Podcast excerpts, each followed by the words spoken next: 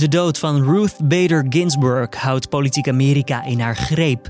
De Democraten willen dat er wordt gewacht met de benoeming van een nieuwe rechter voor het Hoge Rechtshof tot na de verkiezingen. Zoals de Republikeinen daar vier jaar geleden om vroegen tijdens het laatste jaar van Obama. Dit wordt het nieuws. Ja, nogmaals, ik zie dat niet als iets wat, wat gewoon echt daadwerkelijk dat principe schendt. Het is in zekere zin gewoon hypocrisie. Ik denk overigens ook om het maar gewoon daar te zeggen waar het op neerkomt. Ik denk dat de meeste politici ook een bepaalde mate van opportunisme nodig hebben om te kunnen functioneren in de politiek. Dus het verbaast mij ook niet helemaal. Maar ja, ja het is wel iets wat democraten verschrikkelijk boos maakt in de Verenigde Staten. Amerika-deskundige Victor Vlam hoor je over de dood van Ginsburg. Hoe proberen de partijen elkaar te overtuigen van hun eigen gelijk in aanloop naar de verkiezingen? Nou, dat hoor je zo. Eerst kort het belangrijkste nieuws van nu. Mijn naam is Julian Dom en het is vandaag maandag 21 september. Dit is de Nu.nl Dit wordt het nieuws middagpodcast. Mark Rutte heeft maandag een duidelijke boodschap aan voetbalfans die zich niet aan de coronamaatregelen houden in voetbalstadions moet het gewoon niet doen. Het is heel dom, want hier uh, krijgen we het virus niet onder controle. Vandaag lopen de aantallen ook weer op, ja, weet je. Maar is, is dat überhaupt te regelen in zo'n stadion? Ja hoor, gewoon je bek houden als je er zit en naar die wedstrijd kijken en niet schreeuwen. Al dus de premier tegenover RTL Nieuws. In stadions is het verboden om te zingen of te juichen. Maar zondag was duidelijk te zien en te horen dat sommige fans daar niets van aantrekken. Hulpdiensten moeten steeds vaker in actie komen vanwege een steekpartij. Dit jaar gaat het om al bijna 750 incidenten. In diezelfde periode een jaar eerder ging het om meer dan 550 meldingen. Daarmee lijkt 2020 de twijfelachtige eer te krijgen om mogelijk als recordjaar in de boeken te komen. Een Nederlandse die in Zuid-Frankrijk op vakantie was, heeft knokkelkoorts opgelopen door een steek van de Aziatische tijgermug. Het is volgens platform Stop Invasieve Exoten voor het eerst dat een Nederlander in Europa de ziekte heeft gekregen. De Nederlandse toeristen liep de besmetting op in een plaats vlakbij Saint-Tropez. De infectie kan leiden tot onder meer koorts, hoofdpijn en pijn in spieren en gewrichten. En knokkelkoorts kan in het ergste geval ook dodelijk zijn. Bij de politie in Eindhoven kwam zondag een lugubere melding binnen. Een wandelaar zou een lichaam verpakt in een laken hebben gevonden. Na onderzoek bleek het gaan om een pop, al dus agenten op Instagram. Wel werd in eerste instantie rekening gehouden met meerdere scenario's, waaronder dat van een ernstig misdrijf. Het is niet duidelijk wie de pop heeft achtergelaten, maar mogelijk was het een item van een spookspeurtocht. Of het idee van een persoon met rare gedachten, al dus de agenten. En bij de Grand Prix op de Duitse Nürburgring worden 20.000 toeschouwers toegelaten. De kaartverkoop van de Formule 1 race begint morgen. Het is niet de eerste race met toeschouwers. Op Monza waren namelijk al 250 zorgmedewerkers aanwezig en op Mugello waren 3000 fans. Komend weekend in het Russische Sochi worden 30.000 mensen toegelaten. De Duitse race op de Nürburgring ligt op zo'n twee uur rijden vanaf de grens met Limburg. En de organisatie houdt dan ook rekening met veel Nederlandse toeschouwers. Een ticket kost 199 euro. Dan ons gesprek van deze maandagmiddag. Ruth Bader Ginsburg, oftewel RBG. De Amerikaanse opperrechter overleed vrijdag op 87-jarige leeftijd. Ze werd beschreven als onvermoeibare en vastberaden voorvechter van gerechtigheid. Ze kwam in haar rol veelal op voor de minderheden in het land. A system of justice will be the richer for diversity of background and experience. It will be the poorer in terms of appreciating what is at stake and the impact of its judgments if of its members are cast from the same mold. Met deze quote maakte Ginsburg duidelijk dat een rechtssysteem beter zou zijn wanneer er sprake is van diversiteit, qua achtergrond en ervaring. De opvolger van Ginsburg is nu de talk of the day in de VS. Trump lijkt er geen gras over te laten groeien en zegt deze week nog te komen met een nieuwe naam. En vermoedelijk zal het daarbij ook om een vrouw gaan. Ik praat hierover verder met Amerika-deskundige Victor Vlam. Om te beginnen, verbaast het u dat de dood van Ginsburg zo snel politiek werd gemaakt? Nee, eigenlijk helemaal niet. Uh, dat heeft ermee te maken dat uh, de belangen zo verschrikkelijk groot zijn voor beide politieke partijen. Uh, het Hoge Rechtshof dat heeft ongelooflijk veel invloed. het gaat over de toekomst van bijvoorbeeld Obamacare, de zorgwet van Obama bijvoorbeeld. het gaat over de toekomst van legale abortus in de Verenigde Staten. het gaat over positieve discriminatie, of dat is toegestaan. Echt van die ongelooflijk belangrijke onderwerpen in de Verenigde Staten. Dus op het moment dat de meerderheid daar in handen komt komt van, van de conservatieve rechters, de grote meerderheid zelfs in handen komt van de conservatieve rechters, dan heeft dat grote gevolgen voor de Amerikaanse samenleving. Dus het is wat betreft geen verrassing dat er direct politiek wordt bedreven.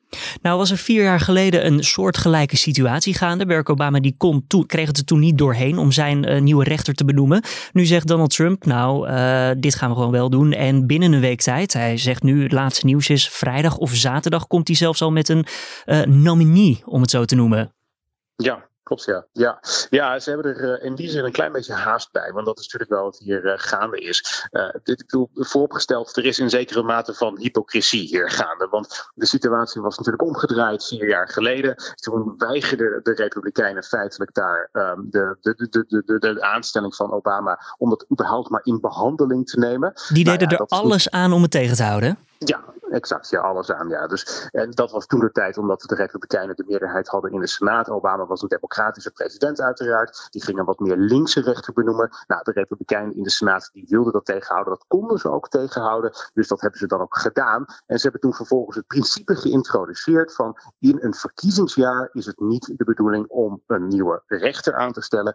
De rechter of de kiezer moet erover gaan. En dat betekent dus dat je het over de verkiezingen heen moet gaan tillen. Nou ja, dat principe, als dat hebt uh, neergezet in 2016 en nu vier jaar later doet zich exact dezelfde situatie voor, dan zou je je natuurlijk kunnen voorstellen dat ze dat principe gaan aanhouden. Maar dat is niet gaande, dat gaat er niet gebeuren. Dat, dat, dat is iets wat, wat Mitch McConnell al direct heeft gezegd dat ook niet gaat gebeuren. Hoe proberen ze zich hier dan onderuit te praten? Nou ja, kijk, McConnell zegt dat hij dat principe alleen maar bedoeld heeft in de zin van dat uh, het opgaat als de Senaat en de, het Witte Huis in handen zijn van een andere partij. Dat was vier jaar geleden het geval, Democraten en Republikeinen. Tegenwoordig is het allemaal in handen van dezelfde partij. Met andere woorden, dat is een totaal andere situatie, dat is daar niet mee vergelijkbaar. Ja, nogmaals, ik zie dat niet als iets wat, wat gewoon echt daadwerkelijk dat principe schendt. Het is in zekere zin gewoon hypocrisie. Ik denk overigens ook om het maar gewoon daarop te zeggen waar het op neerkomt. Ik denk dat de meeste politici ook een bepaalde mate van opportunisme nodig hebben om te kunnen functioneren in de politiek. Dus het verbaast mij ook niet helemaal. Maar ja, ja het is wel iets wat de Democraten verschrikkelijk boos maakt in de Verenigde Staten. En kan zo'n rechter, want het is de hoogste positie die er bestaat, negen man in Amerika, negen, of vrouwen natuurlijk, uh, kan zo'n rechter zijn kleur ook drukken als die wordt verkozen door een republikeinse president of een democratische president? Zien we dat ook echt gebeuren dan? Ja, dat zien we wel gebeuren, ja. ja het is echt uh, inderdaad het geval dat zo'n rechter um, echt daadwerkelijk uh, invloed heeft op het beleid. Ik, ik, zei het al even, maar bijvoorbeeld gewoon de toekomst van Obamacare staat gewoon echt op het spel. Er zijn heel veel rechtszaken die tegen Obamacare lopen. Het zou bijvoorbeeld zo kunnen zijn dat het bij het Hoge Rechtshof terechtkomt en dat het Hoge Rechtshof dan beslist of dat dat vervolgens, dat die wet gewoon ongeldig is. Ze mogen namelijk bij het Hoge Rechtshof toetsen aan de grondwet. En dan zouden ze kunnen beoordelen dat het inderdaad daar in strijd mee is. Nou is het officieel niet zozeer dat zij hun politieke kleur laten doorschemeren. Het gaat meer om een soort van juridische filosofie die ze hanteren. Maar eigenlijk is dat gewoon een codewoord. Je hebt in Amerika conservatieve rechters en je hebt progressieve rechters. Nou ja, de vraag is dan, is dit een verloren zaak voor de Democraten, aangezien zij dus niet de Senaat in handen hebben en ook op dit moment niet het Witte Huis bezitten? Ja, um, ik, ik, denk dat die kans zeker aanwezig is. Ik denk dat, dat de kans het grootste is dat uiteindelijk de Republikeinen hier hun zin krijgen. Het enige uh, nadeel uh, is dat gewoon de, de, de, zeg maar de tijdlijn tot aan de verkiezingen niet bepaald in een voordeel werkt. Het is ongeveer 45 dagen dat voor de verkiezingen. Normaal gesproken duurt het zo'n 50 tot 70 dagen om zo'n zo'n lid van het Hoge Rechtshof benoemd te krijgen. Dat is een wat langere procedure, waarbij er ook hoorzittingen plaatsvinden. Het gaat mogelijk niet lukken voor de verkiezingen. En dan kun je een situatie voorstellen waarbij bijvoorbeeld het Witte Huis uh, in handen, uh, dat ze het Witte Huis verliezen, dat ze ook de Senaat verliezen. Nou, dan treden die pas toe in het nieuwe jaar. Dus daar zitten dan nog twee maanden tussen. Maar als je die verkiezingen verloren hebt, om dan nog zo'n belangrijke beslissing te nemen in wat ze noemen de lame duck session, ja, dat gaat misschien sommige mensen te ver. En dan zou je kunnen denken dat een bijvoorbeeld wat meer gematigde senator zoals Mitt Romney zegt: jongens, dit moeten we maar beter toch niet doen. Wat betekent dit voor Trump uiteindelijk en zijn ja, verkiezingsstrijd op dit moment? Kan hij dit nog gebruiken om de, ja, de laatste stemmers naar zijn hand te krijgen? Ja, zeker ja. Ja, ik denk dat dit voor Trump een, een geschenk uit de hemel is voor zijn campagne. Sowieso staat hij natuurlijk gewoon ongeveer zeven punten achter. Dus alles wat de race opschudt, dat is in zijn voordeel. Maar ik denk wat er gebeurt is ten eerste dat het niet meer gaat over coronabesmettingen en hoe Trump daarmee is omgegaan. Dus het legt de volledige aandacht op iets wat heel veel Republikeinen ongelooflijk belangrijk vinden. En wat ook voor zorgt dat kritische Republikeinen op Trump, dat die toch weer thuiskomen naar Trump. Want dit is waar alle Republikeinen het over eens moeten zijn. Dit is een belangrijk punt voor al die mensen, voor die hele partij. Er moeten meer conservatieve rechters zijn. Dus ik denk dat de kans heel groot is dat mensen die misschien kritisch waren op Trump, die toch weer terugkomen bij Trump. Dus in die zin kan het wel in zijn voordeel werken in deze verkiezingsstrijd. Hoe is die verdeling dan nu momenteel? Je zegt er moeten meer conservatieve rechters komen. Is het nu 50-50 pak een beet voor ja, zover dat kan met negen mensen? E-, e-, exact. Het is nu uh, vijf conservatieve rechters en vier progressieve rechters. Uh, dus dat zou dan, als er een nieuwe conservatieve rechter bij komt, in plaats van Ruth Bader Ginsburg, zou het 6-3 zijn. dat is belangrijk voor Republikeinen, maar het gaat niet alleen om het Hoge Rechtshof. Het gaat ook om de, de gerechtshoven die daaronder zitten. En daar zijn de afgelopen jaren ook heel veel conservatieve rechters benoemd. en dat is een, ja, altijd een heel belangrijk campagnepunt voor de Republikeinen geweest. Ginsburg zelf die zou hebben gezegd van wacht nou tot na de verkiezingen met het eh, vaststellen of het aanstellen van mijn vervanging. Ja. Eh, dat lijkt dus nu niet te gebeuren. In hoeverre ja, heeft zij daar iets over te zeggen of wordt daar naar geluisterd? Ja, kijk, ik begrijp inderdaad dat uh, zij dat uh, zegt, inderdaad. Ja. Um, ik bedoel, het, is haar doodwens, zo wordt het een beetje gepresenteerd in de Amerikaanse media. Uh, ik, ik, denk niet dat Republikeinen geneigd zijn om daar naar te luisteren. En uh, ja, ik, ik, kan ze daar ook wel een klein beetje gelijk in geven. Want de procedure voor hoe dat allemaal gaat, dat ligt gewoon allemaal vast in de grondwet. En het is natuurlijk gewoon aan ja, de huidige president en de Senaat om dat vervolgens allemaal daar een opvolger te benoemen. Dus zij gaat niet over haar eigen zetel. Het is niet meer haar zetel op dit moment.